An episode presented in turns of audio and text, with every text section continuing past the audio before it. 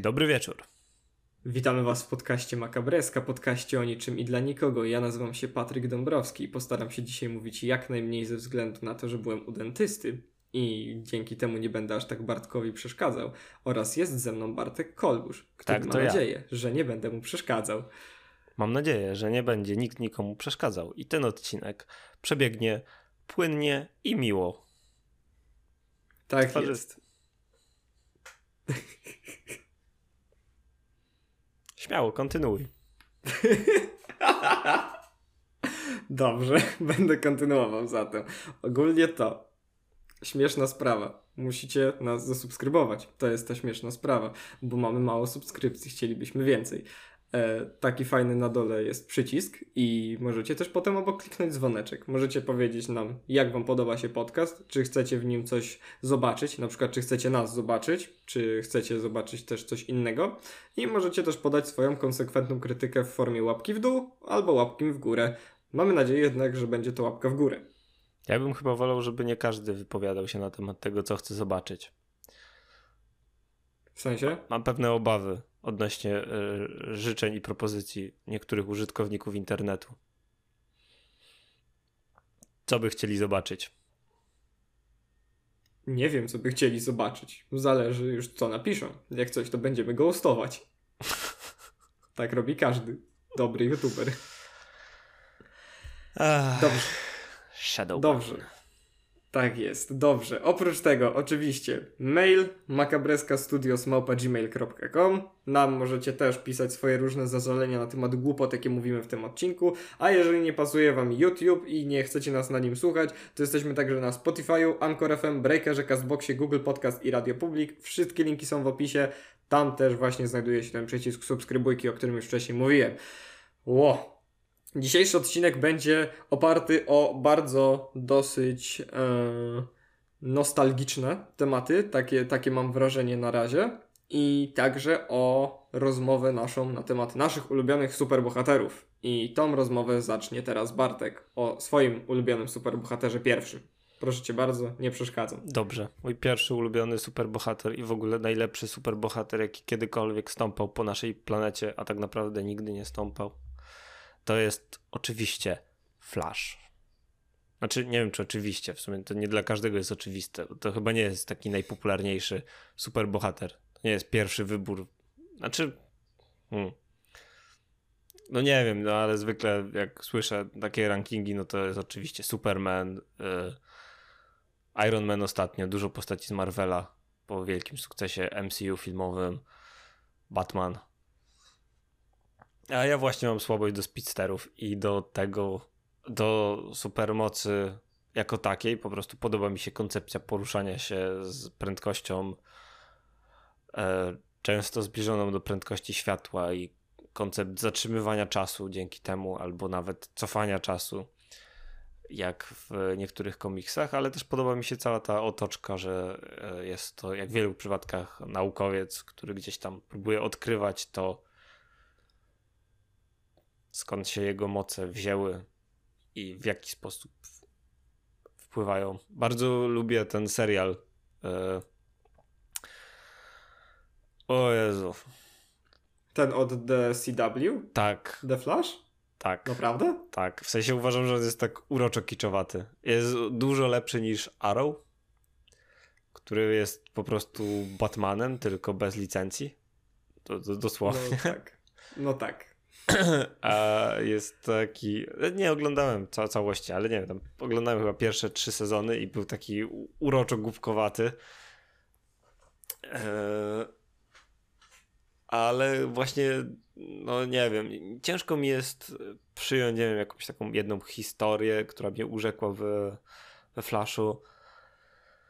Eee, tylko albo, albo nawet. Albo nawet e, nie wiem, że konkretny, kon, konkretna wersja tego bohatera. Po prostu podoba mi się sam koncept radzenia sobie z super prędkością, która nie jest jak Superman, że radzisz sobie z boskością wśród ludzi, tylko to jest takie okej, tak naprawdę mogę bardzo dużo i wszystko de facto ujdzie mi na sucho, bo prawie nikt nie jest w stanie mnie złapać, a jednocześnie wiesz, cały czas i tak musisz przekraczać kolejne granice. To jest takie typowe superhero, ale wydaje mi się, że z tą mocą e, bardzo dobrze się sprawdza. I wiąże się z nią wielka odpowiedzialność. Tak, ale właśnie nie jest to tak jak w przypadku. Okej, okay, Spider-Man może jest złym przykładem, bo tam jest, tam jest trochę inna bajka, ale nie jest to tak, że a, zostajesz super, jesteś super silny i wiesz, musisz uważać, bo wszystko co zrobisz teraz może, nie wiem, zniszczyć planetę czy coś takiego. No a Hulk tak nie ma?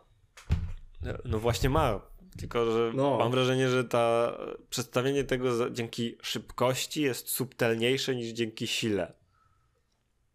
No dobra, w sumie tak, ale teraz to ci powiem taką ciekawostkę, bo nie wiem, jaki ty jesteś zaczytany w komiksy. Eee, różnie. Zależy jakie komiksy, ale nie śledzę jakoś bardzo na bieżąco ani Marvela, ani DC, ani jakichś mniejszych serii. To jest raczej tak, że tam jak wpadnie mi w ręce czasami jeden komiks albo jakaś jedna historia, to sobie czytam. E, jak się potrzebuje czegoś dowiedzieć, na przykład jeżeli to jest w ramach właśnie Marvela albo DC, no to sobie doczytuję gdzieś tam na Wikipedii, co powinienem wiedzieć i tyle. Nie, nie, nie, ale nie jestem jakoś bardzo wciągnięty w komiksy. Za mało czasu. Okej. Okay. Okej, okay, no to właśnie ja znalazłem gdzieś kiedyś e, ciekawostkę. Ogólnie istnieje nie tylko Speed Force, ta, ta moc, która pozwala właśnie Flashowi być super szybkim. Gdzieś teraz pojawiły się e, trzy chyba dodatkowe takie siły. Jest teraz siła właśnie jest, siła siły, jest Strength Force, jest y, chyba Sage albo Steel Force, jakoś tak ona się nazywa. Mhm. I jeszcze bodajże jakaś trzecia, która pozwala y, by, mieć telekinezę i, i y, Barry Allen to jest chyba teraz ten główny Flash, jeżeli dobrze pamiętam, to on próbował wykorzystać różne te moce, zobaczyć co one dają i nagle kojarzę tylko taki jeden obrazek właśnie z komiksu, jak nagle Barry staje się takim kurwa mięśniakiem większym niż Hulk. Normalnie nie potrafię sobie e, wyobrazić porównania niż do Hulka normalnie innego, ale on nawet jest większy niż Hulk wtedy. A, hmm. Nie wiem. Brzmi w sumie dziwnie. A z, z drugiej strony, biorąc pod uwagę komiksy, to brzmi nader normalnie, więc. No, w sumie. Dobra, teraz możemy przejść do twojego ulubionego superbohatera. Tak jest. Moim ulubionym superbohaterem jest Invincible. Jest to postać e, nader interesująca, bo to jest e, superbohater ani nie z DC, ani nie z Marvela. On jest z takiego troszkę mniejszego studia, które stworzyło e, wcześniej serię Spawn. To jest chyba ich najbardziej popularna przed albo po Invincible mm, seria. I to jest Image Comics. To, to jest takie właśnie miejsce, gdzie ludzie, którzy już nie chcą po prostu tworzyć tych najbardziej zadufanych w sobie superbohaterów, tych najbardziej znanych, to idą sobie do Image i tworzą swoje własne serie tam i tam mają fajnie. Ale nie o tym miałem mówić, tylko miałem mówić o yy, nie, niezniszczalnym. To jest y, ziomek, który ma ojca, który jest super bohaterem i dzięki temu główny bohater, czyli Invincible, dowiaduje się o swoich supermocach i yy, próbuje się ich nauczyć. On wie, że on też ma nagle tą super siłę, tą właśnie zdolność latania, jakieś tam inne supermoce, które posiada jego ojciec, ale przez to, że jest też półczłowiekiem, są one troszeczkę obniżone, przez to zawsze dostaje w pierdziel od kogoś silniejszego od siebie. Tam e, jest serial na Amazon Prime, który pokazuje na razie sam początek jakby historii, gdzie on dostaje mocny wpierdol wręcz od każdego, a w komiksach, jak gdzieś widziałem różne filmiki na temat historii jego, historii innych bohaterów, widać, że on jakby jako już y, starszy, bardziej doświadczony superbohater widzi, że y, niektóre rzeczy po prostu można zrobić inaczej, że można albo z kimś pogadać, albo już komuś trzeba wpieprzyć, albo coś i wtedy widać, że jego moce jednak się rozwijają na o wiele, o wiele wyższe stadia, więc to jest bardzo fajna historia takiego Supermana od zera do bohatera, ale nie, że od razu był super, tylko jednak gdzieś próbuje e, gdzieś próbuje być, być takim sobą dziwnym, śmiesznym i Dobra, to ja, ja mam pytanie. Bardzo ubitym. Proszę cię bardzo. Bo wspomniałeś, że on się właśnie e, staje silniejszy coraz bardziej. I nie, tak. nie wiem, czy zwróciłeś na to uwagę, ale jest między superbohaterami tej szkoły amerykańskiej, a szkoły, nazwijmy to japońskiej, między komiksami a mangą jest taka zależność, zależność, taka różnica, mhm. że w amerykańskich komiksach mało który superbohater ćwiczy. Oni zazwyczaj po prostu dostają swoje supermoce jak już dostał supermoce, to już raz na zawsze. To jak, jak, fe, jak Flash yy, dostał, yy, no, mógł, zaczął korzystać ze Speed Force, to już zawsze mógł, chyba że coś mu go zabrało, ale to nie jest tak, że on musi, nie wiem, ćwiczyć. Jak Superman jest kosmitą i może być na, na Ziemi, to już może być na Ziemi tak długo, jak ktoś nie będzie miał kryptonitu. Jak Batman, no Batman to jest akurat zły przykład. Batman jest bardzo złym przykładem. Ale na przykład jak Spidermana ugryzł pająk, to już wiesz, zawsze może korzystać ze Spider-Sense, bujać się na sieciach i używać swojej super siły i innych bajerów. A z kolei w japońskich komiksach, e, w mandze i anime, to jak Goku chce być silniejszy, to po prostu musi cały czas ćwiczyć, trenować i wiesz, to są takie normalnie często ludzkie ćwiczenia, że on tam po prostu napierdziela pompki, e, podciąga się i robi ewentualnie jeszcze jakieś medytacyjne rzeczy, żeby pogłębić swoją e, siłę duchową i przez to stać się silniejszym bohaterem. I właśnie tutaj, jak bohater staje się silniejszy, to jest ten sposób amerykański, że on po prostu, wiesz, siłą przyjaźni, jakimś wydarzeniem sprawia, że on jest silniejszy, czy to jest faktycznie efekt taki treningów, że on musi być coraz, po prostu musi ćwiczyć, żeby być lepszym? Musi ćwiczyć z tego powodu, że przez to jaki on w pierdziel dostaje, no to on trafia do szpitala bardzo często, tylko że to jest raczej do powrotu do sił, a główną, głównym jego treningiem jest taki trening psychiczny.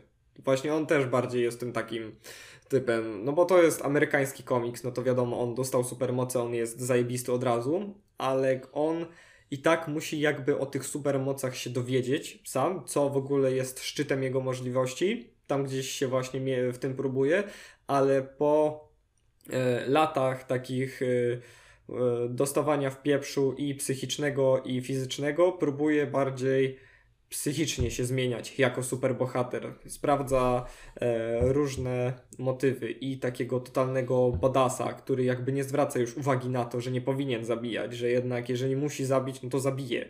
Jeżeli to jednak nie zadziałało, no to będzie próbował rozmów z przeciwnikami. Jeżeli to nie zadziała, to w końcu zacznie gdzieś mieszać to między sobą.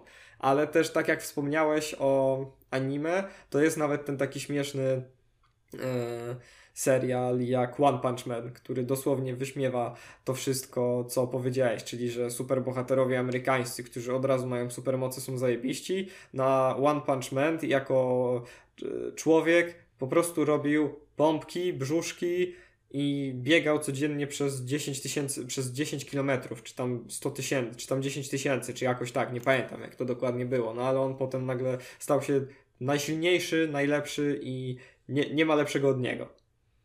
No, ale One Punch Man to jest w ogóle inna bajka. To, a... to jest najlepsze anime, jakie istnieje. Tak. Myślę, że mogę się pod tym podpisać. Bez, bez żadnej e, bez żadnej szydery myślę, że faktycznie to jest najlepsze anime. Próbuję tak sobie no. przypomnieć coś, nie wiem, na szybko, co by mi może e, jakoś wpadło w oko. Ale w sensie z anime, że tak, czy w sensie anime. Co, co było dobrego w tym anime? Bo ja z tego anime potrafię z głowy z dwóch sezonów. Tak, z One Punch Mana ja potrafię. wszystko dobre. No właśnie. To, to ja wiem, to, to jest e, koncepcja e, nawet takie głupoty jak kreska i dobór nie wiem, aktorów głosowych. Tam, tam po prostu wszystko grał, ale to dobra. Tak. myślę, że jak się rozgadamy o, o One Punch Manie, to by nam tak. E, brakło Musimy dzisiaj czasu. Musimy kiedyś zrobić takie odcinki osobne w ogóle, takich rozmów nie na temat. Tak, jeżeli chcecie zobaczyć coś takiego, to mówcie, piszcie w komentarzach albo na maila makabreskastudios.gmail.com Jezu, nauczyłeś się, o wow. Tak, A teraz? Bądź ze mnie dumny. Jestem i teraz będę jeszcze bardziej dumny, zamykając mordę i czekam na drugiego twojego ulubionego bohatera. Dobra, My, myślę, że drugi tytuł akurat jest krzywdzący, bo to jest tak, wiesz, mocno, mocno na równi, tylko że w przypadku... E... Ale drugi o nim mówisz, o. Dobrze, o, to, to może być, ale to, to po, pozwól, że jeszcze zrobię takie krótkie wprowadzenie, bo w przypadku U, to lecę po... e, Flasha to było takie bardziej podoba mi się koncept niż jakaś konkretna e, postać. To znaczy, nie jest tak, że mam jakąś ulubioną historię albo ulubioną e, ulubioną wersję tego konkretnie bohatera. Nawet tak naprawdę mógłbym się pokusić, że, że to niekoniecznie byłaby ta postać, tylko może nawet, że Speedster byłby moim ulubionym bohaterem ale po prostu te wersje, w sensie kilka różnych wersji znam najlepiej i, i bardzo mi się to podoba. A w przypadku tej postaci to będzie bardzo konkretna postać,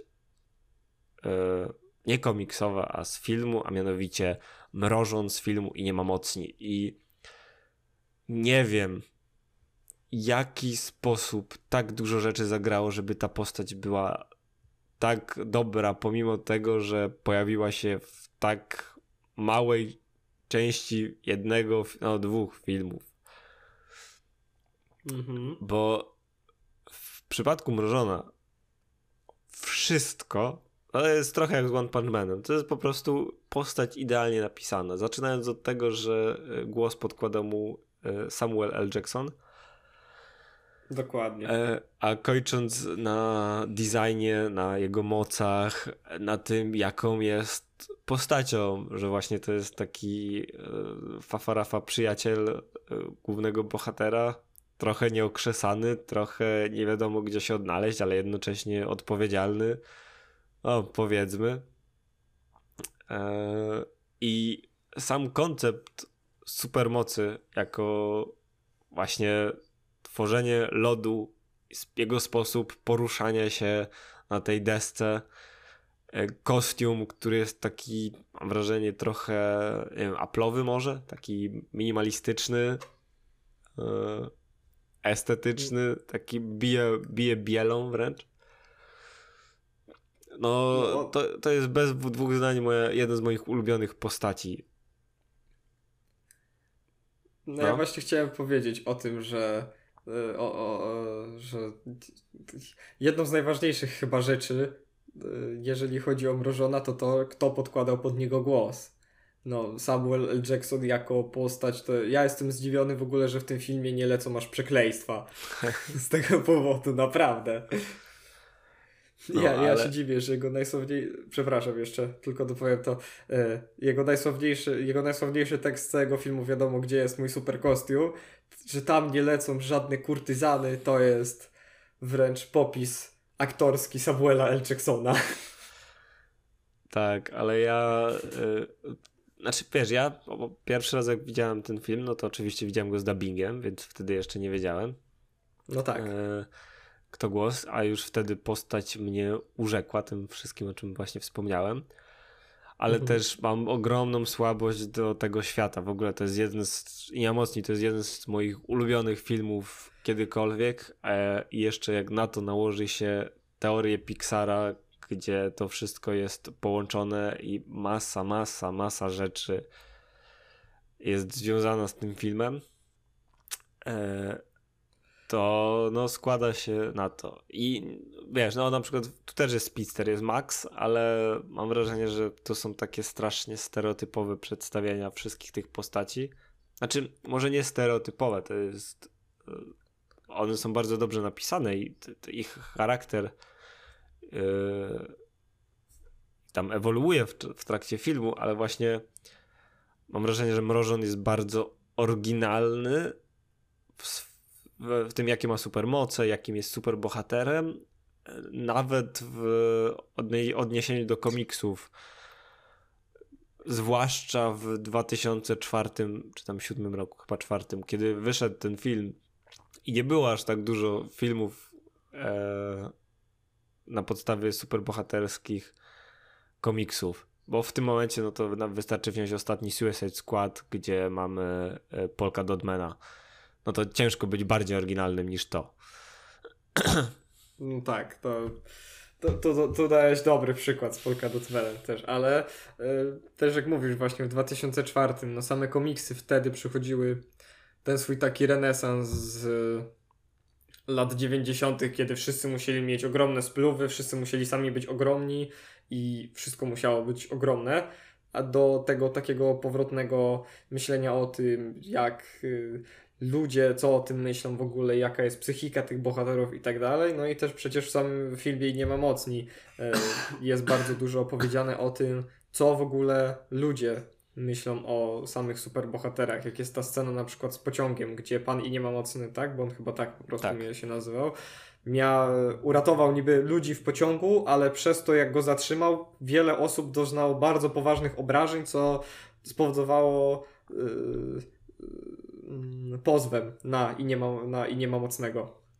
Tak, ale no, musisz też wziąć pod uwagę, jak w ogóle ten film wyprzedził swoje czasy, bo jak się tak zastanowisz, no to no tak, na początku, na początku lat 2000 tak, o Marvelu jeszcze daleko nie było mowy. To Marvel dopiero za 4 lata zacznie od Hulka i to będą takie bardzo powolne podrygi, bo do Avengersów jest chyba jeszcze kolejne 8 lat. To prawda. E, pierwszych Avengersów, gdzie tak naprawdę to pokazało, że, że, że zarządzili. Mhm. Batmany Nolana tak samo. Do tej pory miałeś e, X-Menów, no i Spider-Many Raimiego. Takie popularne, dobre filmy, super bohaterskie i właśnie gdzieś tam wkrada się e, no, kreskówka dla dzieci, bajka, animacja Pixara, która wyprzedza swoje czasy, wprowadza masę Y, świeżych, nowych po, pomysłów robi tak naprawdę fantastyczną czwórkę w końcu dobrze, tylko nie pod tą nazwą. O nie, będę się kłócił. Y, no to... I nie ma, mniejsza o to, ale no i wychodzi właśnie postać mrożona, która jest... Y, ja myślę, że on, ona mogłaby dostać swój osobny film w tym momencie i to wciąż by mogło stać na bardzo wysokim poziomie. Aczkolwiek z drugiej strony mieliśmy i nie mocnych dwa, za którymi nie przepadam specjalnie i uważam, że był to średni film, więc no, wszystko zależy od dobrego twórcy. Ale myślę, że pomysł, koncept postaci i charakter jest naprawdę wyprzedzał swoje czasy i do tej pory jest czymś e, świeżym. Dobra, i no możemy przejść do ostatniej postaci. Okej, okay. nie, dobra, to w takim razie nie mówię jeszcze swoich ostatnich myśli, żeby nie przyciągać. E, ostatni mój ulubiony superbohater. Człowiek z Diko. Nie, czekaj, jak go teraz przedstawić, tak żeby ludzie wiedzieli o co chodzi, ale nie wiedzieli o co chodzi. Mroczna legenda. Ten, o którym wiedzą wszyscy, ale nie wie nikt. Ten, którzy już wszyscy wiedzą, kim jest, ale nikt nie wie, kim jest. Dobra, zaraz przedstawię Najbardziej bogaty w całym Gotham City. Pingwin. Pan Batman. Najlepsza postać chyba, jaka istnieje. Ja go uwielbiam za wszystko. Mam z nim trzy komiksy, normalnie na półce u mnie siedzą i każdy z nich uwielbiam. Jeden z nich to jest jego jeszcze przygoda z sędzią Dreadem, więc y, to jest już w ogóle ciekawe, że Batman się pojawiał w tak wielu różnych crossoverach. On miał crossover z właśnie sędzią Dreadem, chyba z Robocopem, z Terminatorem, z Predatorem, z Alienami i, i z Predatorem i Alienami w jednym komiksie, więc on był, on był wszędzie. Y, sam, sama postać Batmana, to y, z jak prostego pomysłu w ogóle wywodzą się wszystkie jego przygody, wszyscy jego nagle super, super złoczyńcy, z którymi on walczy. Sami super złoczyńcy właśnie jego, to wydaje mi się jako jedni z najlepiej napisanych w ogóle postaci z takich złoli, ja, jakie istnieją. Jego chemia z Jokerem, że jeden nie może żyć bez drugiego. No, w komiksach, w filmach, ani gdziekolwiek indziej nigdy nie widziałem czegoś takiego, ja, jak postać Batmana. I to wystarczy tyle, że on jest bogaty i jest naprawdę mega mądrą osobą. A cała reszta to jest po prostu jego taka y, szczera walka właśnie o to, żeby nawet jeżeli on istnieje w świecie, w którym właśnie istnieje Superman, istnieje Flash, istnieje Wonder Woman, tam nie wiem, Cyborg, Martian Manhunter, wiele tych wszystkich innych postaci, które dalej znajdują się w Lidze Sprawiedliwych. On jest jedną z tych naprawdę najwyżej postawionych postaci właśnie przez to, że będąc zwykłym człowiekiem, potrafił swoje ciało, umysł i wiele innych rzeczy doprowadzić do stanu prawie tak boskiego, jak są te wszystkie postacie, które mają supermoce albo z przypadku, albo yy, z różnych innych powodów. Taką Lub... postacią dla mnie jest Batman. Mów. Lubisz Batmana Nolana? Uwielbiam. Za Batmana, e, z, chociaż może tu bardziej chodzi mi o Jokera, drugą część, bo nie pamiętam w sumie aż tak Batmanów Nolana, pamiętam najbardziej z nich samego Jokera, ale przez to też jak były nagrane, to, to, to je, no mówię, no najbardziej tą drugą część, tą pamiętam najbardziej przez Jokera, yy, kurwa, nie Jared ale to chciałem powiedzieć, yy, tego drugiego. Poczekaj. Ej, to o tym nie filmie też możemy porozmawiać. Czekaj, bo nie mogę się zbłazić teraz. Yy... Joaquin Phoenix też, nie, kurde. No i jeszcze, je, Ty... nie, jeszcze masz dwóch. E, jeszcze jest Jack to... Nicholson ze starych, jeszcze jest. E, Mar... E, jeszcze. Sto... Ja nie wiem, jak się nazywał ten z lat 60. Jeszcze masz Marka Hamila? Dobra, ale on jest z tych animowanych, a mi chodzi jeszcze z filmowych, to jeszcze był ten taki śmieszny z lat 60. Eee, nie wiem, dobra, on nie wiem jak się nazywa. I ten, I ten aktor, który zmarł, i to jest w takim razie najgłupsze, że jego imienia nie pamiętam. No bez przesady. Naprawdę, nie Patryk. potrafię sobie przypomnieć. No czekaj. Patryk. Co ty nie masz internetu, żeby szybko sprawdzić takie rzeczy? Mam, ale ja mam też klikającą klawiaturę i nie chcę, żeby było, że ten. Wolę po prostu powiedzieć, że jestem głupi i możesz ty w trakcie tego sprawdzić. E, Heath Ledger. Heath Ledger, o właśnie, najlepszy, dobra, obok Mark Hamill, najlepszy Joker, po nim Heath Ledger, po nim Joaquin Phoenix i tak dalej. Ale ja nie mówię teraz o Jokerze, bo jakbym miał mówić jeszcze o Jokerze, to już w ogóle bym chyba oszalał. Ale, Ale przyjdzie Batman... odcinek na najlepszych złoczyńców. To wtedy to możemy mówić o samym Jokerze przez cały odcinek. O nie, o, o nie. To ja ci wtrącę. Ja ci, ja to, to już zaspo, zaspoiluję ten odcinek. Bo ja, ja mam, ci nie, wejdzie, tak? Ja mam złoczyńcę, który uważam, że jest dużo lepszy niż Joker kiedykolwiek mógłby być. No to będziemy się kłócić po prostu na tym odcinku. Jest no. on z filmu, z którego jest dzisiejszy mój ulubiony bohater. W sensie... Syndrom. Czekaj.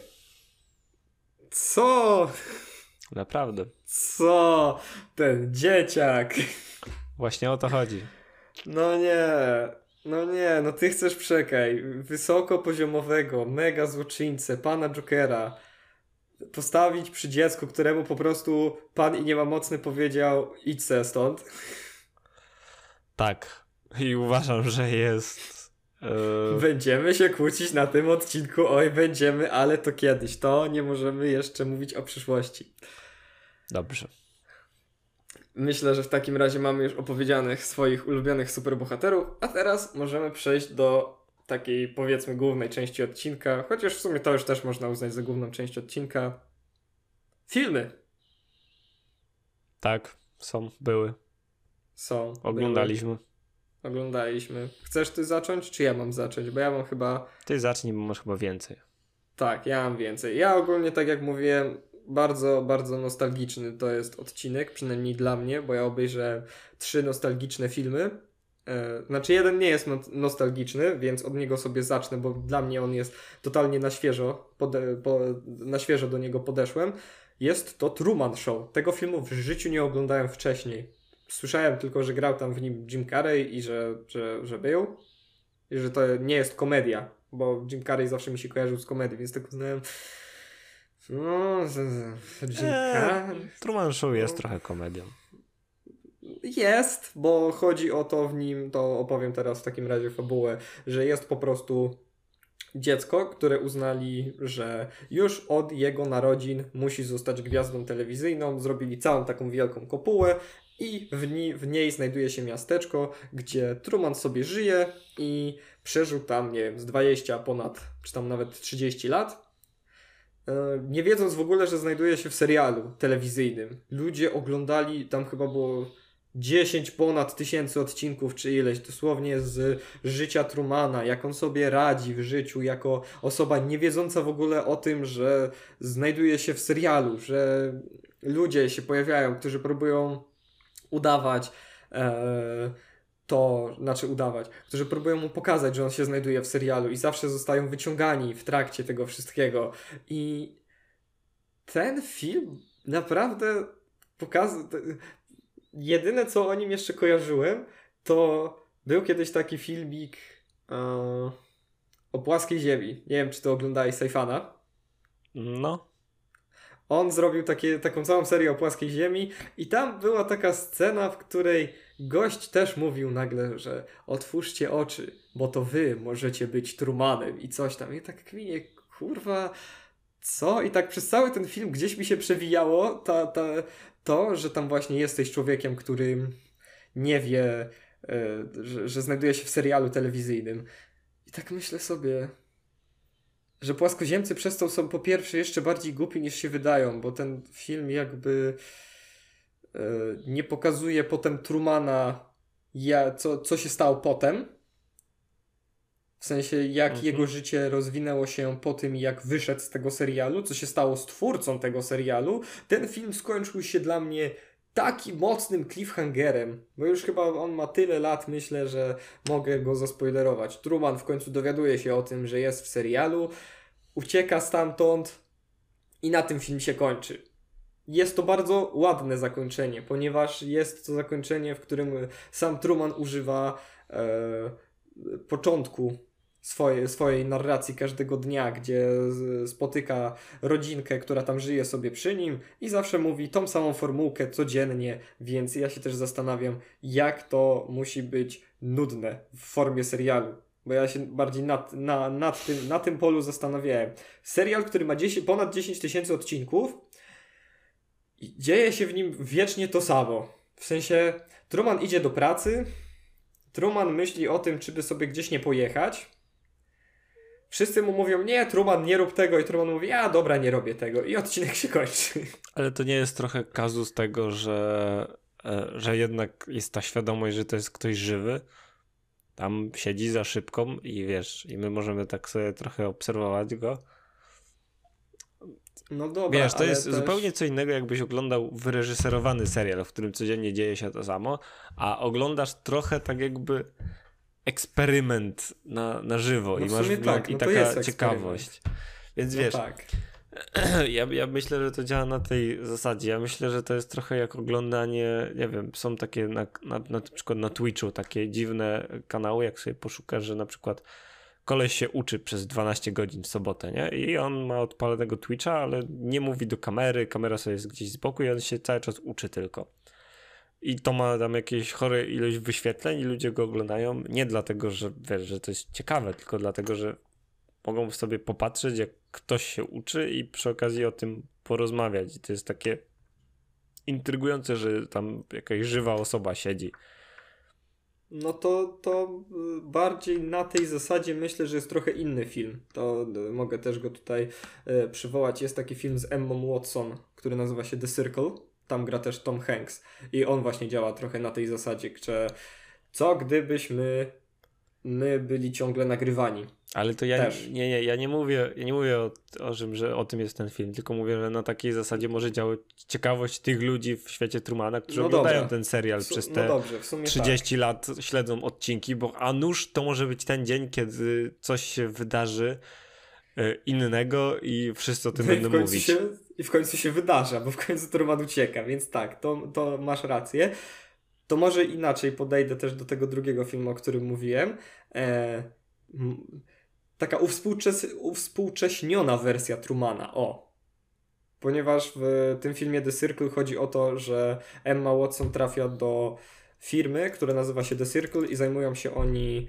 E, Poczekaj, chwila ciszy, bo też zbiorę myśli. Gdzie Emma Watson poznaje tajniki live streamowania, gdzie ta firma próbuje jakby bardzo rozwinąć tą technologię i pokazać, że ludzie nie mają się czego bać w tym, że są ciągle nagrywani i całe ich prywatne życie jest zawsze pokazywane online. Więc Emma Watson wkracza do e, takiego eksperymentu, dostaje taką kamerę i ona musi codziennie nagrywać live stream z tego, co się u niej dzieje. I to zaczyna prowadzić do pewnych problemów właśnie i w jej rodzinie, i w jej życiu prywatnym, które nagle przestaje być prywatne. I film kończy się też w taki bardzo dziwny sposób. Ale nie będę tego akurat spoilerował, bo jest to coś, nad czym, jeżeli nie oglądałeś sam tego filmu, Bartek, to jeżeli go kiedyś obejrzysz, możemy po tym, o tym podywagować, bo to jest naprawdę e... bardzo interesujący też film. Ja go nie oglądałem, ale ja go nie oglądałem z, premedyta z premedytacją, bo ten film jak wyszedł Co? zebrał takie kiepskie recenzje wszędzie dookoła, że ja po prostu wolałem go uniknąć. To ja ci go nawet polecę. W sensie, yy, ja go oglądałem jak jeszcze byłem w szkole, w technikum chyba nawet, ale on mi się bardzo podobał. W sensie on jako film pewnie był jakąś taką sztampą, sztampą, był idiotyczny, głupi i inne takie rzeczy, ale faktycznie, przes faktyczne przesłanie, o jakim chodziło w tym w drugim filmie, w tym The Circle, jest dla mnie trochę na zasadzie takiego Trumana. Truman oczywiście był o wiele lepiej zrobiony jako sam film, ale oba mają dla mnie to takie przesłanie, co gdyby człowiek był nagrywany w formie eksperymentu i każdy mógł to oglądać. Tylko, że Truman to był film, w którym e, e, jedna osoba zawsze była nagrywana i o tym nie wiedziała, a The Circle to jest film, w którym osoba zgadza się samoczynnie na to, aby być zawsze nagrywana i zawsze pokazywać to, co dzieje się w jej życiu. Dobrze, nie oglądnę, ale dziękuję. Kurwa. Nie, no, nie, wiesz, nic złośliwego, ale po prostu mam za mało czasu na oglądanie rzeczy, które chcę zobaczyć, żeby jeszcze oglądać rzeczy, których nie chcę zobaczyć. No dobra, okej. Okay, e, myślę, będzie. że jeżeli kiedyś e, będę bogaty i wszystko, co będę musiał robić, to tylko siedzieć na kanapie i oglądać filmy, to nie będę siedział na kanapie i oglądać filmu, bo to jest marnowanie życia, ale wtedy będę oglądał zdecydowanie więcej rzeczy i będę mógł sobie pozwolić na rzeczy gorszej jakości, tylko po to, żeby nabrać dystansu. Dobrze. To teraz w takim razie, jak już skończyłem Trumana i przerwałem ci twoją dywagację na temat tego, jak będziesz kiedyś bogaty, zacznij o stand-upie.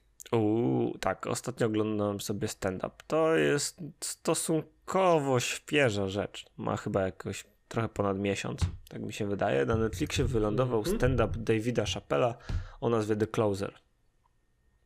I o czym on jest?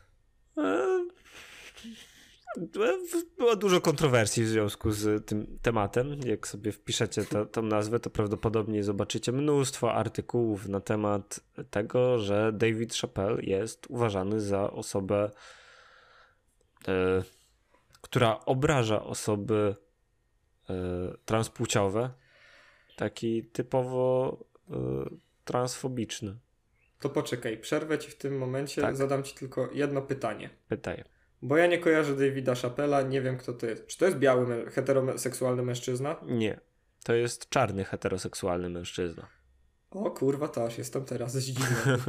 Naprawdę, to mnie zdziwiłeś w tym momencie. Mów dalej, słucham jeszcze z e. większą ciekawością. Dlaczego Murzyna uważają za transfoba? Właśnie trochę o tym jest ten. E, trochę o tym jest cały ten program, gdzie on porównuje osoby transpłciowe z czarnymi i z tym, co przeszły obie te grupy e, przez historię.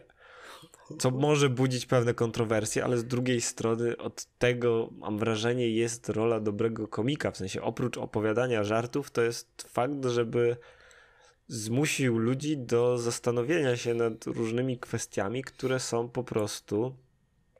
E, no nie wiem, brany przez społeczeństwo w pewnym w pewnych ekstremach, w jedną albo w drugą stronę. I ja ciężko jest mi powiedzieć, że ten, e, ten stand-up kogoś mógł obrazić bądź nie, bo mnie nie obraził, ale nie dotykał żadnej ze spraw, która mnie by dotyczyła.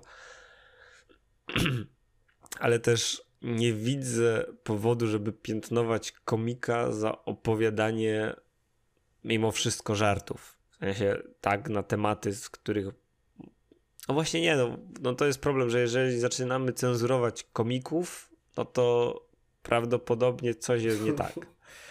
tak, to już jest wtedy problem. Ze społeczeństwem, w którym żyjemy. I on, yy, on jest świadom tego, co robi, i uważam, że nie posuwa się w żadnym momencie za daleko ze swoimi żartami. Uważam, że ma bardzo dobrze napisany stand-up, bardzo odważny. To znaczy porusza bardzo kontrowersyjne kwestie, a, ale no, w moim odczuciu nie przekroczył w żadnym momencie żadnej granicy. E, I mam wrażenie, że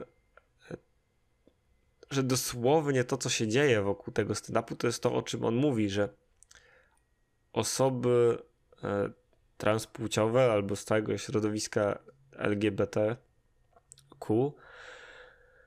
e, plus, pl plus e, może nie obrażają się o, o, o błahe rzeczy, tylko że lubią eskalować cały problem nawet jeżeli on de facto nie występuje, ani nie ma aż takiego no nie wiem, ale ani nie jest faktycznie aż takim problemem i on tam pokazuje jest taki jeden żart, który pozwolę sobie przytoczyć, mhm. że nie wiem, kojarzysz takiego rapera jak The Baby? No oczywiście. Kilka jego piosenek słucham, bardzo lubię, więc mów. E, tak, no to podobno The Baby zabił w, w gdzieś w Stanach w Walmartie po prostu zastrzelił jakiegoś człowieka. Nie słucham go tak naprawdę, to był żart. Ja... no, no. I, no nieważne, w każdym razie jest jakiś on porównuje to, że w tym samym Walmartie David Chappelle jak powiedział jakiś żart właśnie, to nie wiem, do, do, do, o lesbijce czy, czy o kimś takim, no to tam ochrona się na niego rzuciła. E, I e, wiesz, został. No, no, ewidentnie było to. Wzburzyło, wzburzyło to kilka osób.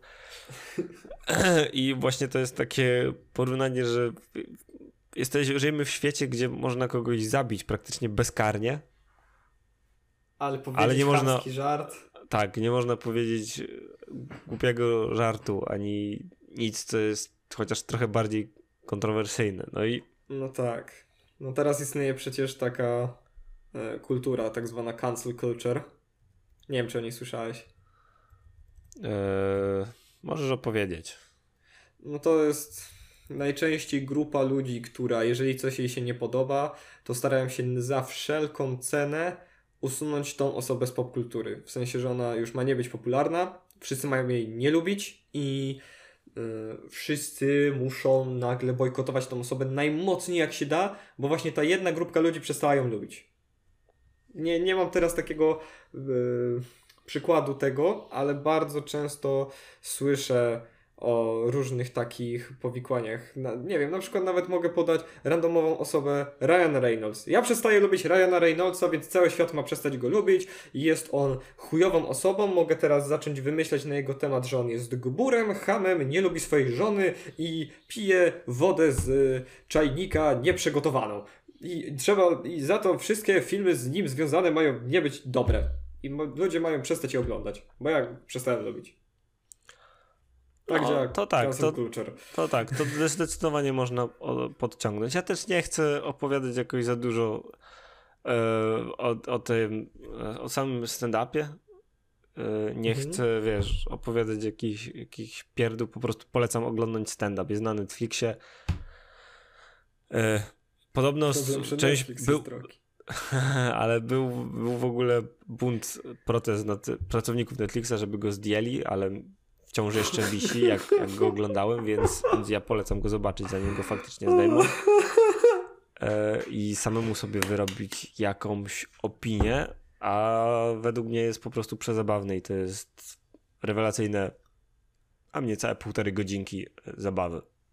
I jednocześnie pouczające. W sensie właśnie pokazuje, żebyśmy nabrali trochę dystansu do całego świata, do siebie e, i do bardzo poważnych spraw, bo jak będziemy tak nadęci na wszystko, to, to się bardzo źle skończy. No, to prawda. I możemy wrócić do Twoich nostalgicznych filmów, i w sumie to jest rzecz, o której możemy sobie razem pooglądać, bo akurat bardzo lubię Ghostbusters. Ogląda oglądać to już my oglądaliśmy, możemy o tym pogadać teraz. No, możemy pogadać. Skoro tak, skoro tak mówisz. No, ja już oglądałem nawet. Nie wiem, czy. Nie wiem, kiedy ty ostatnio oglądałeś. Ja włączyłem ten film z moją dziewczyną i moja dziewczyna powiedziała, że jest nudny. Muszę A. zmienić dziewczynę. Piszcie makabreska. E, studiosmałpa.gmail.com Nowa dziewczyna. nie, tak. nie piszcie, przepraszam. Hashtag nowa to jest, dziewczyna. To jest jeden z tych głupich żartów, za których zostanę cancel kulturowany. Tak, ja, ja z Patryka dziewczyną cancel kulturujemy.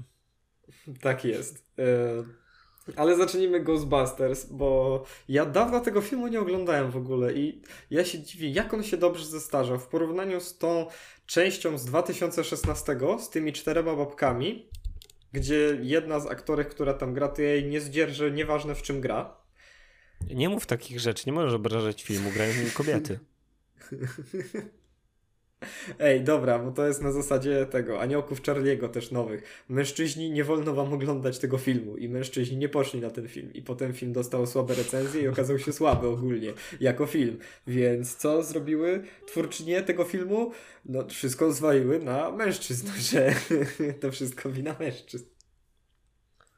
Dobra, bo tu wchodzą straszne tematy, przepraszam. Yy, Ghostbusters to jest bardzo fajny film dla młodzieży. Bartek, uratuj Co, mnie. to tyle? Nie, uratuj mnie teraz. Dobra, to yy, okej. Okay. Co ty Zacznijmy... wspominasz dobrego? To jak ktoś nie widział Ghostbusters, to powinien po pierwsze oglądać Ghostbusters. Z tym się możemy chyba obaj zgodzić. Oczywiście, że tak. Myślę, że tak po... dobry film. Myślę, że ile już minęło? 40 lat? 30 Jak... przynajmniej? No, na pewno. No, pierwsze Gwiezdne Wojny kiedy wyszły?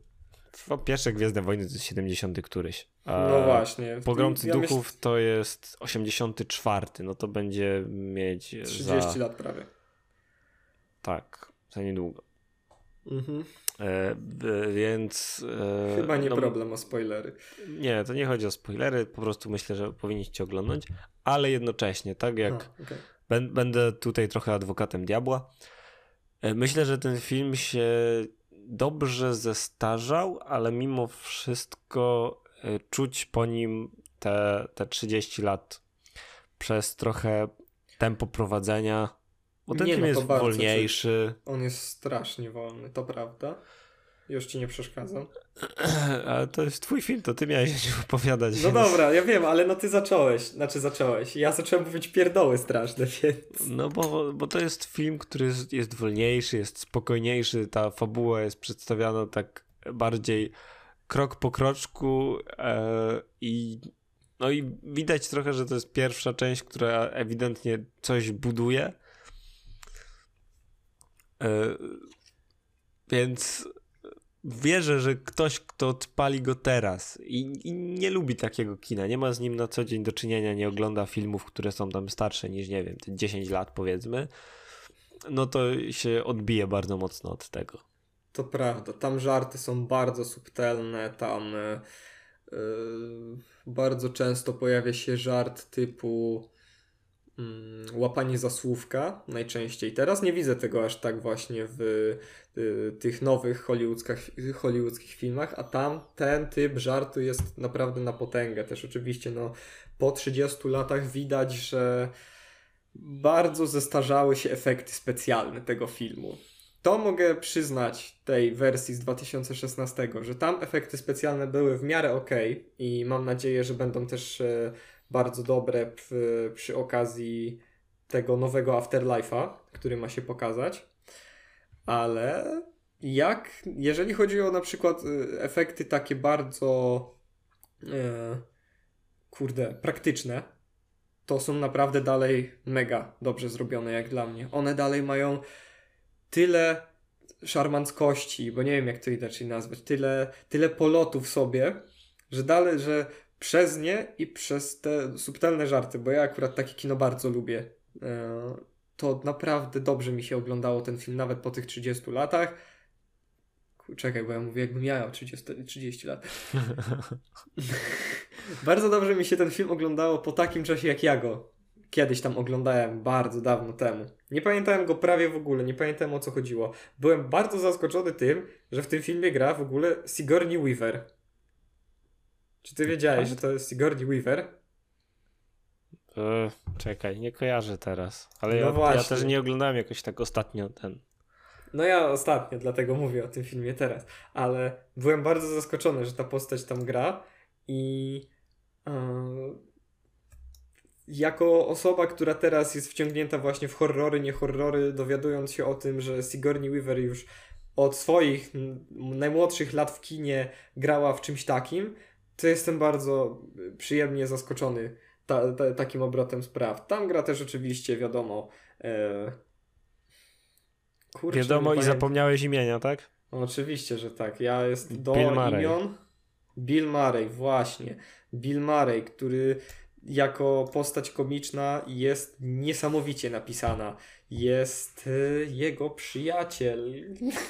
Kurwa, nie, dobra. Dobra, nie będę Patryk, się. Nie pogrążaj się. Tak jest, w aktorstwo się nie bawię. O tym możecie pisać mi teraz w mailu, że jestem chujowy w zapamiętywanie imion, ale to jest niestety prawda. Ja myślę, Całe postacie że... po prostu są świetnie napisane. O. Tak. Ja myślę, że y, tu nie ma co dłużej E, rozwijać tego, po prostu nie krzyżujcie promieni i możemy przejść do następnego Ellen the filmu. Ghost be with you. E, nie, dobra, to też będzie, to będzie najkrótsze chyba z tego wszystkiego, bo jeszcze to można powiedzieć i możemy się zabrać za ciekawszy kąsek z nowości, które, które mamy na dzisiaj też. Yy, obejrzałem jeszcze sobie tak z przypływu nostalgii, oprócz yy, Ghostbusters obejrzałem sobie Aloha Scooby-Doo. To jest taka bardzo fajna animacja o Scooby-Doo, jak sama nazwa wskazuje, i całym gangu, którzy trafiają na Hawaje, na y, pewną z wysepek gdzieś tam koło bardziej Hawajów i trafiają y, akurat w samo centrum wydarzeń, gdzie wybucha jakiś tam wulkan, który podobno miał nie żyć od kilkunastu tysięcy lat i zaczynają pojawiać się różne duchy tiki. To są takie śmieszne potworki, które zaczynają atakować wszystkich tubylców, nietubylców, y, ludzi, którzy odwiedzają tą wyspę tylko tako, żeby sobie tam pozwiedzać i ludzi, którzy biorą udział w e, turnieju surfingowym, ponieważ na tym głównie opiera się cały film. Tam jest taki turniej surfingowy i ludzie denerwują i e, ludzie tubylcy denerwują się, że w tym turnieju nagle mogą brać udział turyści, bo wcześniej nie mogli brać udziału, teraz mogą i jeden z tubylców nagle mówi, że ej, ale to rozgniewa złe duchy. I złe duchy faktycznie się rozgniewały. Wiadomo, że potem to nie są złe duchy jak w każdym y, Scooby-Doo. Nie, mam, nie w każdym. Mam Filmowych, pytanie. nie. Tak. Mam pytanie. Czy naprawdę jest scena, w której ktoś komuś ściąga maskę? W sensie, czy, czy w tym filmie jest scena? No gdzie... oczywiście, no, oczywiście, tak, na samym i... końcu. No i to już, już uratowałeś, już mogę oglądać. Co? A jak? To, to jak inaczej? Czekaj, jeszcze chwila, moment. To. Co? To co? No nie, no jak? jak? nie ma sceny, w której ktoś komuś ściąga twarz i pod nią jest inna twarz, to już to nie jest prawdziwe Scooby-Doo. No, do, no jak to nie? No a te filmowe na przykład? No, w filmie, w pierwszym filmie. Tam w sensie te aktorskie oczywiście. Oczywiście, że są sceny ściągania masek. No jak, w drugiej części tego w ogóle nie ma. No ale nie mówię o drugiej części. Druga część to jest, powinna zostać pogrzebana żywcem. Ja mówię o pierwszej o, części. I będziemy się robił, też o to kłócić. Pierwszą część, którą robił. E, kto robił pierwszego Scooby-Doo? No ja nie mam pojęcia akurat. Ja w takie rzeczy no, się nigdy nie wciągałem. O. Ale mi się mniej podobała pierwsza część. Ona była taka, taka To... Jak te właśnie. No, no bo jak te animowane Scooby-Doo. A ja Dobra, wiesz, wiesz, kto, że... wiesz, kto pisał pierwsze Scooby-Doo? Zaskocz mnie. James Gunn. No i bardzo dobrze dla niego. Dlatego, po, dlatego jak była scena, w której dziewczyna przedstawiła się jako Mary Jane, Kudhaty powiedział, że to jest jego ulubione imię. Pierwszy Scooby-Doo jest rewelacyjny. Wie, wiesz, że Dobrze, w ogóle... Wiesz, że... za tą scenę, okej. Okay. Nie, wiesz, że w ogóle istniał e, tego aktorskiego Scooby-Doo w pierwszej wersji istniała e, opcja, że będzie to film e, od 18 roku życia? O kurwa, ale bym obejrzał takiego Scooby-Doo od 18 roku życia. Że on faktycznie miał być e, taki no, że to nie miała być bajka dla dzieci, tylko to miał być film na, na zasadzie, w sensie może nie jakiś bardzo wulgarny, ale właśnie bardziej horrorowy, bardziej taki no Jezu, odważny. No taki Scooby-Doo byłby najlepszym, najlepszą rzeczą na świecie. Ja nie wiem, dlaczego w ogóle ktoś jeszcze nie wpadł na taki pomysł, żeby czegoś takiego zrobić. Branża porno robi Scooby-Doo regularnie dla dorosłych, jak chcesz sobie poglądać. Ale to nie ma, to nie jest horrorowe, tylko się tam wszyscy rozbierają. Już w pierwszym Scooby-Doo miałem scenę, gdzie Daphne się łapie za cycochy, bo nagle jest y, w niej dusza kogoś innego. A to, to mi już wystarczy do seksualności tych wszystkich postaci. A mi chodzi właśnie o w sumie taki horrorowy. Ja nawet mam komiks o Scooby-Doo, który by mi najbardziej do tego pasował, czyli Scooby Apokalipsa, gdzie gang nagle zostaje wplątany w apokalipsę na świecie, gdzie wszyscy zostają zamienieni w mutanty, albo w jakieś potwory, albo w coś jeszcze innego. I to byłoby świetne jako film, jako serial, ale naprawdę jako horror. Dobrze. Więc yy, coś jeszcze do dodania na temat Aloha Scooby-Doo? Albo innego Scooby-Doo? Kreska jak kreska, wiadomo, jest dobra w tych Scooby-Doo. W tych starych na pewno. Nie wiem, jak teraz w tych nowych jest, ale ten był takim naprawdę bardzo przyjemnym yy, zabieraczem czasu. On nie trwa długo, bo on trwa gdzieś może ledwo ponad godzinę, więc on jest jak taki może dłuższy odcinek, nie wiem, tego serialu takiego Scooby-Doo. To w sumie tyle. Seria, film jest good. Każdy film o Scooby jest good. Oglądajcie. Dobrze.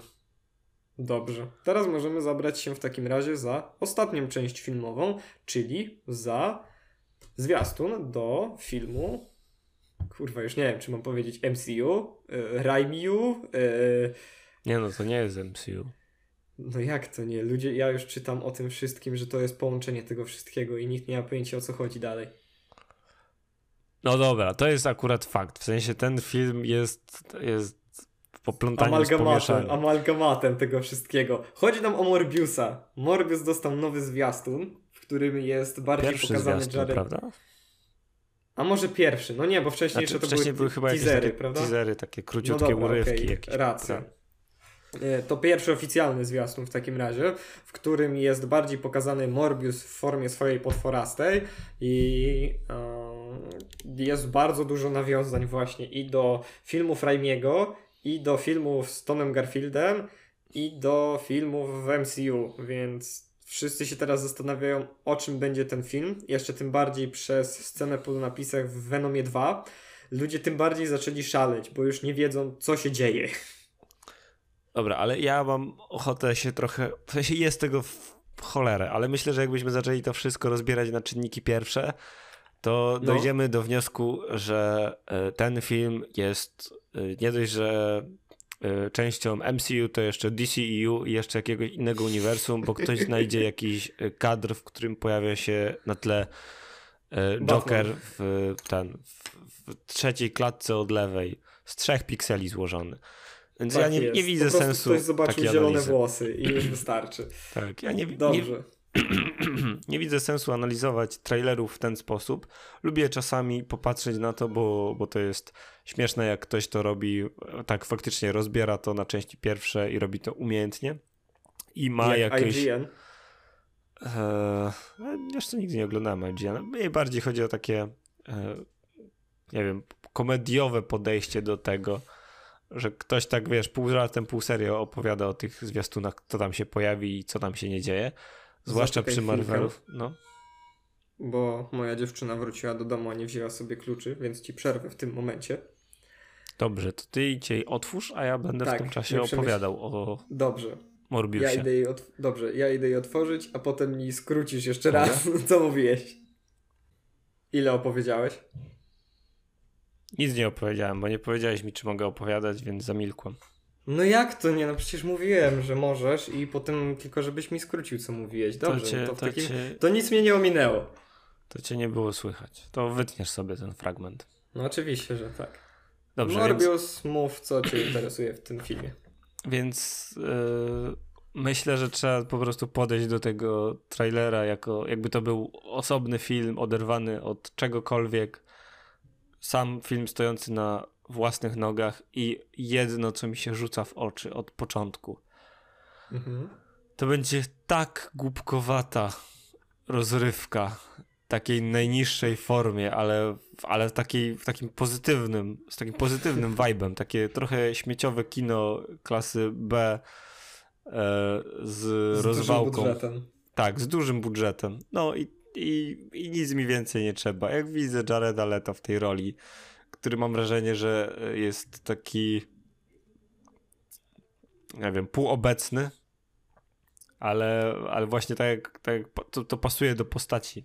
Taki e, dziwny, nie wiem, jak go nazwać, guru? No, powiedzmy, E, że guru, nie wiem. e, No on jest lekarzem w tym filmie, więc... No tak, ale no, no, no nie zajmuje się do końca leczeniem. To, no, Jest scena, w której komuś podaje jakąś kroplówkę, więc... no dobra, ale nie zajmuje się tylko leczeniem, w sensie w ten sposób. No dobrze, Że zajmuje ma, się ma, jeszcze to, byciem Batmanem. tak, tylko że nie. Z supermocami. No, ale, ale więc ja uważam, że to będzie cudowna, taka po prostu głupkowata rozwałka i jak widzę jeszcze ten e, ten żart na końcu, gdzie on mówi, że jest Venomem. A, no tak. I potem jeszcze zamienia się na chwilę w Morbiusa i straszy wszystkich. To, to jest fajna scena, to prawda.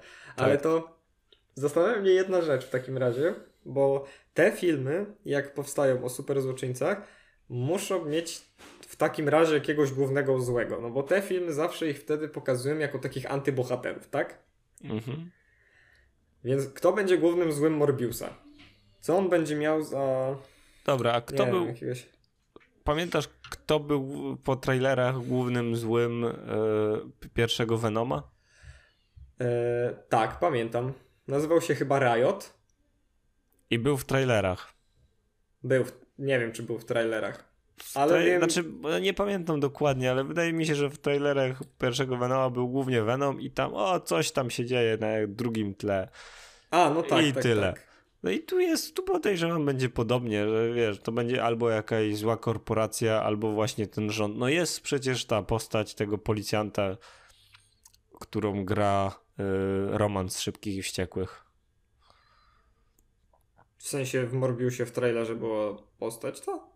No, To mi przemknął przez oczy i go nie, zwró- nie zwróciłem na niego uwagi i to jest go tam całkiem sporo. No jest ten policjant, więc prawdopodobnie to będzie wyglądać tak, że rząd będzie polował właśnie na, A to może. na, Ale na mu- Morbiusa ale- i on tam będzie miał jakieś wyższe cele. No i No tak, ale musi być jakiś kminić. taki... Ale mi pasuje jakiś taki super zły. W sensie taki bardziej zły niż y, zły, którego oglądamy przez cały czas. no Bo to jak już nie ma co Venom dostał gdybać. swojego Riota, no to Morbius dostanie swojego kogoś. Nie wiem, może Kogoś. akurat przedstawiam tam jakąś postać, no albo przyleci Spider-Man. którakolwiek postać z jakiegokolwiek uniwersum sobie w tym momencie wybierzesz, no. Nie wiem, No w sumie Vul- tak. Vulture może będzie zły, no znowu. Nie wiem. No dobra, okej, dobra, w sumie racja. Tu się dużo, tu się dużo, za dużo dzieje, ale ja jestem ciekaw tego filmu, ja sobie chętnie na niego pójdę. Ja też czekam, też przykuł bardzo mocno moją uwagę. No, ja to, znaczy nie aż tak jak Spider-Man, najnowszy, co będzie, bo już słyszę jakieś pogłoski o drugim zwiastunie, ale też jest, te, te, też, też jest ciekawie wyglądającym na pewno filmem. No to jest zupełnie inna liga. Wiesz, na Morbiusa pójdę do kina z takim nastawieniem. Eh, dwie godzinki miłej rozwałki, a po Spider-Manie mam jednak dosyć wysoko zawieszoną Endgame poprzeczkę. 2.0. Może nie Endgame 2.0, właśnie nie chciałbym, żeby to był Endgame 2.0. Chciałbym, żeby to była solidna historia, ale stojąca na własnych nogach, a nie na nogach pięciu filmów dookoła. Dobrze. Dobrze. To... to jest najlepszy sposób na zakończenie tematów. Dobrze, przejdźmy dalej. Dobrze. E, filmy nam się zakończyły w takim razie, temat filmowy. Możemy w takim razie przejść do tematu growego. A tematów growych mamy dwa. W sumie to nawet trzy. Mogę już go tutaj chyba podpiąć też. Chyba tak. Dobrze, ale to najpierw zajmę się swoją dziwną rzeczą, którą ograłem ostatnio. Nie wiem dlaczego to zrobiłem i nie wiem dlaczego mam ją na Steamie, ale kiedyś miałem taki plan na zrobienie serii o głupich grach, ale żeby mówić, znaczy głupich, źle zrobionych grach, ale żeby mówić o nich w dobrym świetle. I ta gra, czyli VCB Y-City, jest grą dla mnie idealną do tego, aby to w jakiś sposób rozpocząć może też taką serię. Ponieważ jest to gra naprawdę idiotyczna. To jest klon GTA, który chciał być czymś więcej niż klonem GTA, ale na zasadzie wulgarności. W sensie on chciał być jak najbardziej wulgarny, tylko y, pozwolono mu być. Bo on y, dzieje się w Rosji. O, y, to grę w ogóle robiło dwóch Rosjanów. I Dobra, mam je... pytanie. Czy to jest Aha. już pełna wersja, czy to jest jakieś demo? Albo beta, pełna albo wersja. coś takiego? Gra trwa, nie wiem, dwie godziny, coś takiego. Tam historia jest naprawdę przeidiotyczna. Po prostu jakiś ziomek, który nazywa się chyba Wano, trafia do Rosji, do jakichś swoich dwóch ziomków i twoja pierwsza misja to jest przejedź się tam po mieście i ja ci pokażę, co się tutaj w ogóle znajduje. I masz chyba, nie wiem, z 20 punktów, do których ty musisz pojechać i do każdego musisz pojechać, żeby rozwinąć fabułę dalej do przodu. I ja na początku myślałem, że to jest cała gra. Myślałem, że no, jakaś taka, nie wiem, pierdoła, że nie, że sobie jeżdżę tylko takim samochodzikiem, bo tyle się chciało twórcom zrobić i, i tyle. A tu się nagle okazuje, że tak, nie dość, że po tym dzieją się dalsze jakieś historie. Ja się nagle dowiaduję, że jest jakaś Katrina, która jest streamerką i pokazuje swojego kotka. Oczywiście w tego złym słowa angielskim znaczeniu. Yy, jest y, jaka, jakiś tam gość z kebabami, jest jaka jest y, ziomek, który kręci swoje własne pornosy, jest wiele innych jeszcze dziwnych rzeczy. I nagle się okazuje, że musisz pojechać do, jakiego, do jakiejś szkoły i wybić ludzi z gangu, ponieważ oni zajmują twój rewir tej szkoły, bo tam sprzedajesz chyba pornosy swoje czy coś takiego. I to jest taka przeidiotyczna gra, ale jakimś cudem bardzo dobrze gameplayowo zrobiona. W sensie to jest ten taki styl takiego powiedzmy średniego Unity, ale widać, że goście mają talent do tego, że gdyby się jeszcze bardziej postarali, to zrobiliby faktycznie pełnowartościową, dobrą grę, ale oni zamiast tego stwierdzili chuj, zróbmy zły klon GTA. Taki ten najgorszy, jaki tylko może być. Dobra, ale mam pytanie.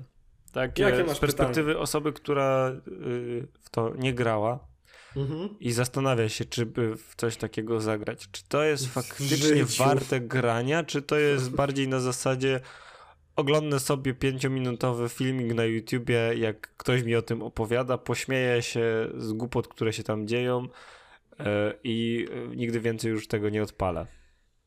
E, zależy, bo ja byłem pijany jak w to grałem. To, Więc... zmienia, to, to, to zmienia wszystko. Ja w takim stanie też mogę grać w cokolwiek. Więc to w, w trakcie mojego upojenia alkoholowego gra była idealna. Ja bym mógł dać wtedy 10 na 10, a jeżeli miałbym w to zagrać na trzeźwo, to ja pamiętam, że raz w życiu próbowałem, odpaliłem tą grę, zacząłem jeździć tym samochodzie i powiedziałem, o, fajne i, i wyłączyłem totalnie tą grę. Więc... Yy, trzeba mieć do tego też dobre podejście, naprawdę, ponieważ to jest taki totalnie pijacki, kubkowaty humor, który do mnie, po pijanemu on do mnie trafiał idealnie. On mnie tak bawił. Tam są tak idiotyczne sceny. Jest y, w pewnym momencie nawet rozbicie czwartej ściany, w którym musisz, y, nie, w którym twój znajomy mówi, że stworzył grę pod tytułem VCB Y City, tylko że wszyscy dają jej okropne noty. Wszyscy dają jej tam, nie wiem, 1 na 10 czy coś. I ty nagle wbijasz do jakiegoś domu, który się znajduje w tym mieście. W tym domu są ludzie, którzy pisali same te złe recenzje, sami hejterzy. Zabijasz wszystkich tych hejterów i na każdym z komputerów sam musisz zamienić te, te złe recenzje na dobre. Okej, okay, no Więc... to, to, to brzmi trochę jak coś, co warto oglądać przez 5 minut na YouTubie. Naprawdę, to na YouTubie można to obejrzeć jak się jest trzeźwym, a warto w to zagrać jak się jest pijanym. Ta gra kosztuje Boże, no maksymalnie bodajże 5 zł, bo gra to kreskę... Jezu, to kosztuje pieniądze? No Nie niestety. dawał za taką grę pieniędzy. no niestety, ja jestem kolekcjonerem i ja lubię zbierać takie głupoty. Ale gra jeszcze mogę powiedzieć kreskę, kreskę, grafikę, jeżeli można ją taką nazwać, ma totalnie paintową. Gra jest zrobiona w 3D, ale widać, że goście na dosłownie, jak oni wklejali tekstury postaci na postać, to Powiedzieli sobie, dobra, robimy je w pęcie, zaczęli je rysować, potem sobie na szybko to gdzieś tam wycięli jeszcze i wrzucili to na postać. Jak powiedzieli, że twarz jest tam, gdzie twarz, a dupa jest tam, gdzie dupa, to tak zostawili. No i elegancko. Tak, i elegancko, więc polecam wszystkim pijakom i chlejusom i polecam obejrzeć Napra- polecam obejrzeć wszystkim, którzy jednak wolą to obejrzeć, nie wiem, obej- zobaczyć mając kakałko albo herbatkę w rękach. Dobrze, ja widzę, że następny temacik to mamy chyba też coś krótkiego, bo ja na przykład nie mam tak naprawdę nic do dodania na ten temat. I to mhm. jest GTA SA na Oculus Quest 2. GTA San Andreas oczywiście. Nie czujesz, kiedy rymujesz, też rozumiem. Tak. E, ogólnie dowiedziałem się, bo Facebook miał teraz taką swoją magiczną e, konferencję, to może od niej najpierw zaczniemy. Ogólnie Facebook zmienia nazwę, znaczy nie sam Facebook, sama ta strona internetowa, w sensie społecznościowa, tylko firma, matka, Facebook Inc. Corporations zmienia nazwę na Meta i Co ma w wszystko... sumie trochę sensu, tak biorąc pod uwagę, że Facebook rozrósł się na tyle różnych marek, bo w tym momencie Facebook, tak. to jest sam Facebook, Instagram, WhatsApp, e, właśnie wykupili e, VR i pewnie mają no masę no tak, innych technologii. Tego... Więc no trochę jak Google zaczynają działać, więc bez sensu nazywać się cały czas Facebookiem. Tak, i teraz pewnie po prostu będzie Instagram by Meta, a nie by Facebook, pewnie będzie Facebook by Meta i tak dalej. Wszystko to zostanie podłączone pod jedno, jak to yy, Mark Zuckerberg nazwał metaversum. A, ale czekaj, ja, być... ja, ja ci przerwę jeszcze na chwilę. Muszę. E, w dzisiejszym odcinku to moja wina. Wyobraź sobie, wyobraź sobie tak, wyobraź sobie, że y, Facebook, znaczy Meta będzie sponsorowała Matę i będzie Mata by Meta. o nie. Ja chcę, ja chcę zobaczyć tę współpracę. No ej, jeżeli Mata już dostał się do McDonalda, o którym mówiliśmy w poprzednim odcinku, to yy, zobaczcie sobie w ogóle ten poprzedni odcinek, bo był naprawdę fajny, bardzo polecam. Trwał prawie tyle samo co ten. A teraz możemy przejść z powrotem do mety, ale nie amfetaminy, ale do nowej nazwy Facebooka i do metaversum. E, meta teraz będzie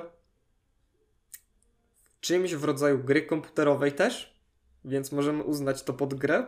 Będzie to na zasadzie naszych własnych awatarów, coś w stylu może awatarów z Xboxa. Nie wiem, ja to chyba, ja to w ten sposób przynajmniej rozumiem, mm -hmm. że Będziemy mieć awatary na zasadzie Xboxa i będziemy mogli dzięki temu rozmawiać ze sobą na przykład na Discordzie, będziemy mogli ze sobą w ten sposób rozmawiać, znaczy na Discordzie, na Messengerze Facebookowym, na yy, będziemy mogli sobie grać pewnie w gry jakieś metaversowe. No ogólnie Ready Player One i Xbox połączone w coś, co może faktycznie działać w dzisiejszych czasach. O.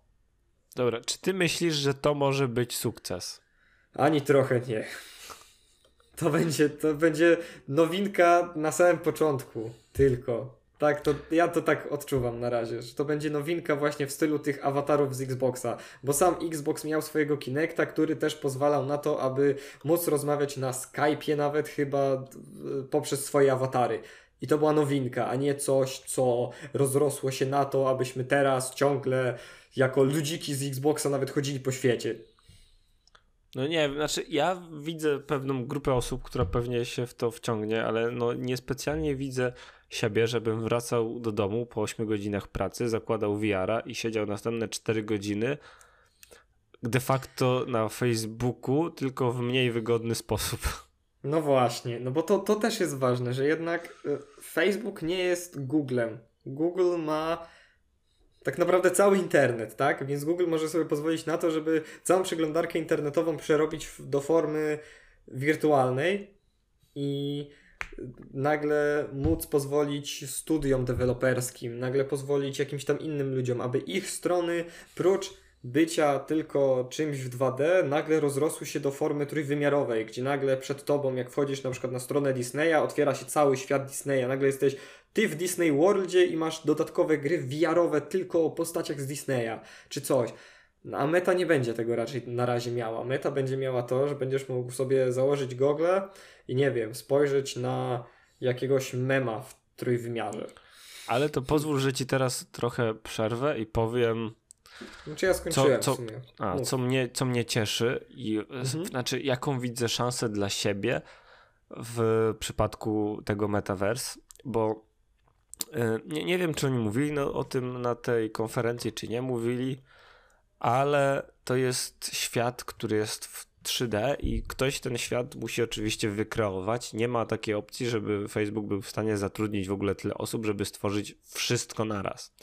Więc to Aha. prawdopodobnie będzie działało tak, jak działa w wielu grach y, m- multiplayer takich rozległych, nie proceduralnie, tylko że każdy będzie mógł wrzucać swoje asety i po prostu A, okej. je na przykład sprzedawać. Więc ja jako grafik Aha, 3D z dobrze. pewnymi umiejętnościami widzę nowy market, który będzie jeszcze niezagospodarowany i będzie miał bardzo dużo potencjalnych klientów, bo nie wiem czy wiesz, ale no na przykład jak powstał Facebook, e, nie Facebook, tylko e, Microsoft jak zaczął robić e, te awatary i dodatki, no to można było na przykład kupić tam były jeszcze wtedy punkty, a nie pieniądze. Można było sobie na przykład No tak, kupować były. czapki dla swoich awatarów albo koszulki. Mhm. I myślę, że w tym momencie, jeżeli Facebook da taką opcję i te wszystkie e, ciotki, które siedzą na Facebooku i mają za dużo wolnego czasu i za dużo wolnych pieniędzy, będą się chciały przed sobą popisać, no to to będzie właśnie takie miejsce, gdzie a, patrz jaki sobie kupiłam na moim awatarze, nie wiem, koszulkę, sukienkę XYZ, to samo będzie dotyczyć e, Będą jakichś się tam mogli na przykład spotkać. Będą Tak. się mogli na przykład spotkać w kuchni, którą ty wykreowałeś w trójwymiarze. Na przykład. I e, pod tym względem widzę to jako ciekawą opcję. Więc jeżeli e, macie na przykład plany uczyć się grafiki 3D i wątpicie, czy wam się to kiedyś przyda, to myślę, że to jest do- dobry moment, bo będzie. W, w tym momencie jest ogromne zapotrzebowanie na różnego rodzaju grafiki, a będzie jeszcze większe. No zapewne tak. No ogólnie na wszystko teraz, co komputerowe, jest ogromne zapotrzebowanie i no tyle ludzi na świecie nie ma. Jeżeli są, no to jest też wiele innych prac, które trzeba wykonać. Więc zawsze gdzieś będzie e, to zapotrzebowanie na, róż, na, dla, dla różnych ludzi. Dobra, to jeszcze chcemy coś powiedzieć o metaversie? O meta nie, ale jeżeli już zostaliśmy przy, przy mecie i Oculusie, to możemy powiedzieć o tym, że GTA San Andreas wreszcie, tak jak ty powiedziałeś przed chwilą, pojawi się na Oculus Quest 2.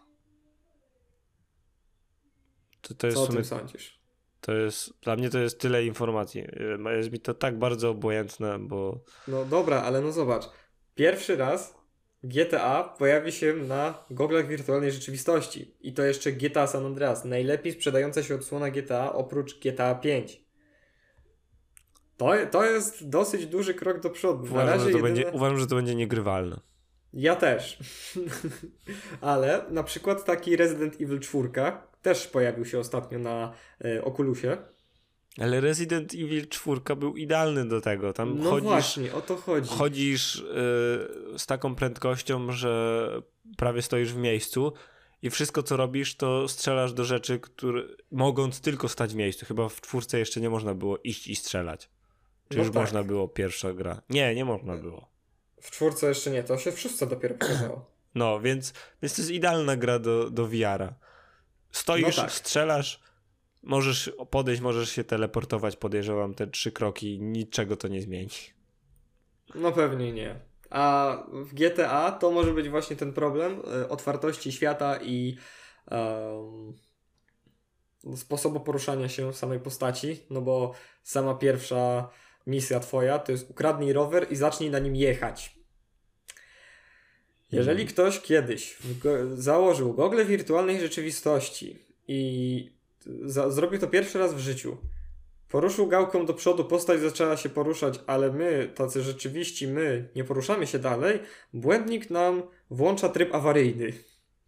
Więc to mnie zastanawia, jak mają zamiar zrobić prowadzenie samochodów, jak mają za... Znaczy, dobra, jeszcze prowadzenie samochodów ok, Bo widzisz kokpit. bo widzę kokpit, tak, no ale takie prowadzenie roweru, gdzie ja dalej widzę swoje ręce, No to e, wywali ci w mózgu 404 i się No wyłączysz, właśnie, pójdziesz tak. spać i obudzisz się na drugi dzień z rozwalonym hełmem na głowie. No i tyle. No właśnie, i to jest ten duży problem, który zastanawiam się, jak Facebook, jak Rockstar, jak y, Oculus mają zamiar go rozwiązać.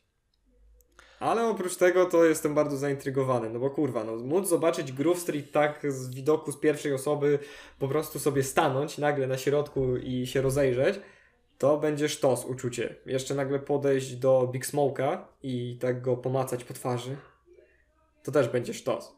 Po brzuchu. A jeszcze po brzuszku jego, no właśnie, na przykład. Ale też zastanawia mnie w takim razie, jak wykorzystają e, to, że gra miała swoje cutscenki. Bo gra miała cutscenki. Przez większość gry miałeś to, że nawet nie widziałeś, znaczy widziałeś swoją postać, która porusza się nie z twojej e, z Twoją wiedzą, nie za pomocą Twoich klawiszy, tylko animacje się działy same. Więc zastanawiam się, jak to mają zamiar zrobić. E, Patryk, ja naprawdę chciałbym ci towarzyszyć w tej dyskusji, ale nie potrafię wykrzesać siebie ani krzty zaciekawienia tym tematem. Po prostu Jak to nie? Nie jest mi tak bardzo wirtualną obojętny GTA rzeczywistością? na VR-a, O że nawet nie. nie jestem w stanie tego wyrazić słowami. No dobra, to jest mi teraz bardzo smutno, ale ja jestem bardzo zainteresowany tym, bo ja bardzo lubię wirtualną rzeczywistość. Może mniej lubię GTA, ale wirtualna rzeczywistość to jest coś, o czym ja mogę gadać godzinami, bo jestem tym bardzo tematem zainteresowany. Ale jak najbardziej, wirtualna rzeczywistość oczywiście, tylko róbcie gry nowe, róbcie gry ciekawe, przystosowane do technologii, a nie odgrzewajcie stare kotlety, których, no, ja wiem, sentyment jest duży do GTA San Andreas, na pewno masa osób się na to rzuci, ale No oczywiście, że masa człowieku. To A- będzie jedna z najlepiej pewnie sprzedających się gier na wirtualną rzeczywistość. tak, ale no, no, no jakoś mnie to w ogóle nie interesuje. Zwłaszcza, że ja no, grałem w GTA San Andreas, bo, bo kto nie grał w tamtym czasie, no ale Ja. to nie jest tak, że, że, że teraz tęsknię jakoś bardzo. No dobra. No ale na przykład e, pomyśl, ten, na, na tej zasadzie właśnie z Residentem. Gdyby robić konwersję gier typu Resident na Oculusa, albo na ogólnie A wirtualną przecież Resident dokładnie to robi. Resident 7 był, wyszedł i na No i właśnie. normalnie jako gra, i na y, VR-a. No dobra, ale nie miałeś tego e, ruchu kontrolerami. Miałeś kontroler w dłoni, ale dalej ty porusza, poruszałeś gałkami i w ten sposób postać się poruszała, w ten sposób celowałeś i tak dalej. A Resident 4 już używa te kontrolery ruchowe, które robią tw- za twoje ręce. Nagle gra jest znowu z pierwszej osoby i e, wszystko ty widzisz e, w ten sposób. No to dobrze, nie? To niech technologia się posuwa do przodu i, i spoko, ale ym, No na razie te gry na pewno będą, myślę, wyglądały też w ten sposób, właśnie z ery PS2 trochę. Chociaż Alf- Half-Life Alyx pokazało, że da się zrobić dobrą taką grę z dobrą grafiką, ale potrzeba do tego też mocarnego kompa. Myślę, że takie GTA San Andreas na Oculusa czy yy, właśnie Resident 4 to jednak są gry o wiele słabsze i na pewno dzięki temu więcej osób będzie mogło w nie zagrać. Oprócz tego mogą się pojawić właśnie na takim sprzęcie jak Quest 2, ponieważ Quest jest sam w sobie powiedzmy mini konsolką. Albo czy tam mini komputerem, który y, tylko dopiero po podłączeniu do komputera ma te moce komputerowe, a sam musi sobie na przykład poradzić jednak z różnymi grami w wirtualnej rzeczywistości. Wiesz co, ja, ja myślę, że poświęciliśmy na ten temat zdecydowanie więcej czasu niż potrzeba w tym momencie. Myślę, że po prostu technologia musi się jeszcze rozwinąć, mimo że to już trwa od kilku lat, to wciąż nie jesteśmy na takim etapie, żeby to było. No jeszcze nie ma Ready Player One, więc to jest najsmutniejsze. Albo tak. Sword Art Online. Tak, więc, więc na razie GTA y, trochę wywalone. Będę czekał, będę, będę śledził te nowe tytuły, które się pojawią. Będę, mam nadzieję, że Facebook, mając górę pieniędzy, wpakuje w to trochę kasy i, i doczekamy się ciekawszych rzeczy niż GTA. Albo na no. przykład niech powstanie, tak jak Half-Life, nowe GTA po prostu tylko na, na VR-a, skierowane specjalnie na tą konsolę i wtedy będę dużo bardziej zainteresowany. Nie widzę sensu przenoszenia starych kotletów e, Dobra, na, ale pamiętaj, że to jest sprzęt. też Rockstar teraz. Rockstar, który wydaje GTA 5 od 11 lat już i nie, od ilu? Od nie 8, wiem, ale bardzo długo. 10? No, jakoś no, tak. No, ja rozumiem, ale, ale myślę, że, że nie ma sensu to, to... W sensie ja wiem, no, każdy lubi liczyć pieniążki, ale to nie jest to, na co ja czekam i, i nie widzę sensu dalej tego ciągnąć, więc myślę, myślę że mo możemy już zakończyć tę, tę dyskusję. Ja czekam na swojego Questa dwójkę, jak wreszcie sobie go kupię, to pewnie będę ogrywał wszystkie GTA, Residenty i inne takie i będę się tym chwalił na tym kanale, że są to rzeczy fajne i polecam każdemu. Ale to jeszcze nie teraz, bo jesteśmy na to za biedni. Dziękujemy Wam za oglądanie tego podcastu. Ja byłem Patryk Dąbrowski, ze mną był Bartek Kolbusz. Bartek, czy masz coś jeszcze do powiedzenia? Nie, to wszystko, co chciałem powiedzieć, już powiedziałem. Pozostało mi się tylko pożegnać. Także dziękuję bardzo. Dobranoc. Do widzenia.